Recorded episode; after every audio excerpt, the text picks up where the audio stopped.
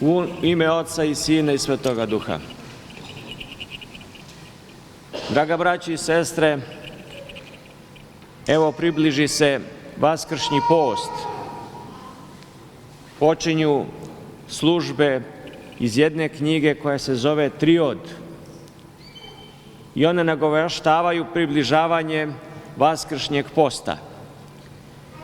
Triod ili tri pesnec, tri pesme koje se dodaju u službama jutarnjim i vidimo da nam se bliži post. I tako je ustrojeno u crkvi, da se kroz čitanje ovih evanđelja u ovim nedeljama mi polako pripremamo duhovno, sa kakvim duhovnim stanjem mi treba da uđemo u period posta. Nije post samo uzdržavanje od hrane. To je nešto spoljašnje što vidimo. Ono je bitno, ali to nije to nije ono najvažnije u samome postu.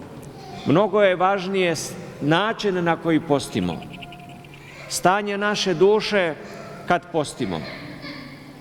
Zato u ove dane pre posta, ove nedelje pre posta, počinju da se čitaju ta evanđelja koje nas pripremaju kakvi treba da budemo. I eto jedno od prvih evanđelja, mada i ono prethodno, prethodne nedelje je bilo isto veoma značajno, maleni Zakej koji želi da vidi Hrista, ta želja za Bogom, da je u samim početcima duhovnog života izuzetno važna ta želja za Bogom. Ona nas pokrene, ona nas vodi ka Bogu. Bez nje nećemo ništa uzvišeno učiniti. Ali sama želja za Bogom nije dovoljna. U ovoj nedelji sada Mitra i Fariseja govori se o dvoje, znači, ljudi koji su ušli u crkvu da se Bogu mole.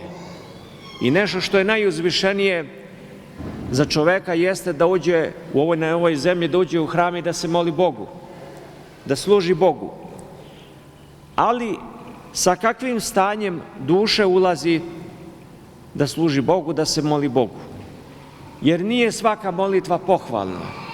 Postoji molitva koja isto može biti greh. A to vidimo upravo u primoru ovog današnjeg evanđelja. Kaže uđe jedan farisej, to je jedna struja u jevrejskom narodu veoma učenih ljudi koji su izučavali sveto pismo i maksimalno se trudili da ga ispune. A carinici su, to je smitar, to su bili carinici, oni nisu uopšte bili omiljeni u narodu. Oni su uzimali porez od naroda, ali za neprijatelja tada, jer, su, jer je to bilo rimsko carstvo. I često su bivali nepravedni i uzimali i više nego što treba da uzimaju. I ulazi znači jedan koji se maksimalno trudi da ispuni po svetom pismu, zapovesti Božije i drugi koji živi grešno. I prvi kaže Hvalim te, Bože, što nisam kao drugi ljudi. Eto kako je njegova molitva. On, on kao hvali Boga, a u stvari hvali sebe. Hvalisava molitva. Nastupa hvalisavo pred Bogom. A jasno piše u Svetom pismu, da, a to mu greh, to mu gordost nije dozvolila prosto da, da sagleda, da vidi, da usvoji da se pred Bogom neće pohvaliti ni jedno telo. Šta mi smo to tako veliko uradili da bismo mogli pred Bogom da se pohvalimo? Sva je, kaže, pravda naša kao nečista haljina pred tobom, gospode, govori prorok. I to nije naučio, a hvali se. Hvalim te, Bože, što nisam ko ostali ljudi. I onda nabraja to što zove dobrim delima, šta on sve to čini za Boga, postim toliko i toliko, dajem milostinju toliko i toliko, činim to i to. A onda je rekao nešto što tek nije smeo da kaže kad hvali se hvali Boga što nije kao ostali ljudi ili što nisam kao ovaj carinik. I on je toliko sebe uzdigao i ponizio tog čoveka a Bog je Bog velikih i Bog malih. Kaže, ko sramoti siromaha, sramoti stvoritelja njegovog. A siromah je taj grešnik. Ko siroma, sramoti grešnika, on ipak sramoti i tvorca. Mi ni grešnika ne treba da sramotimo, nego da se Bogu molimo da se on razumi, da se pokaje,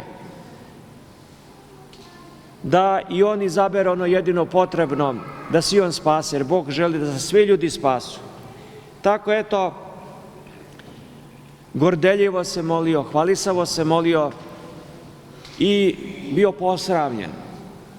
A ovaj carinik, grešnik, nije ni smeo da izađu prve redove, nego tamo negde na kraju u hramu stao je i se, kaže, u prsa pokajno govorio Bože, pomiluj me grešnoga.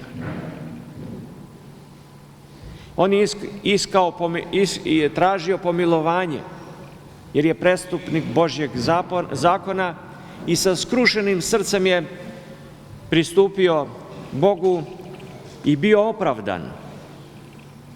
Jer Bog kaže, pogledaću na smirenoga i na skrušenog srcem, A onaj ko nije smiren i ko nije skrušen srcem, bit će kao onaj na koga će se odnositi reče ne, ne, poznajem, vas,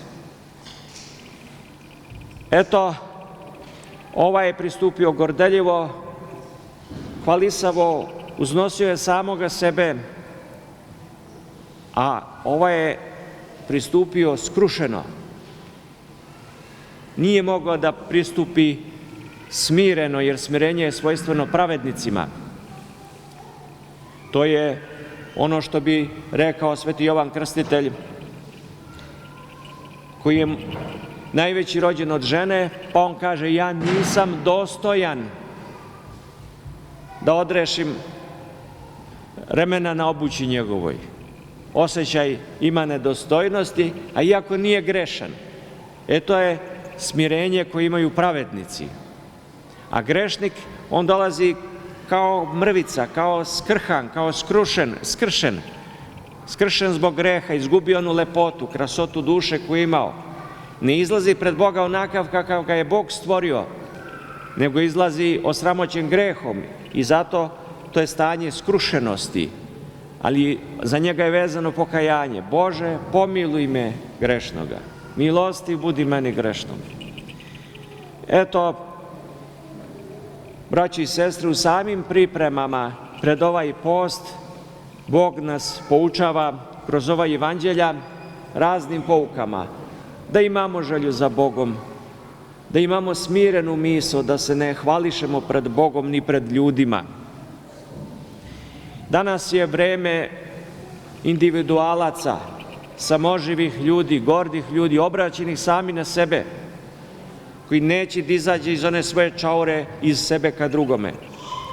Zato ovo pokolenje mnogo strada i od raznih psihičkih bolesti strada umesto da se skruši i da pokajno izađe pred gospoda i da kaže Bože pomiluj me grešnoga.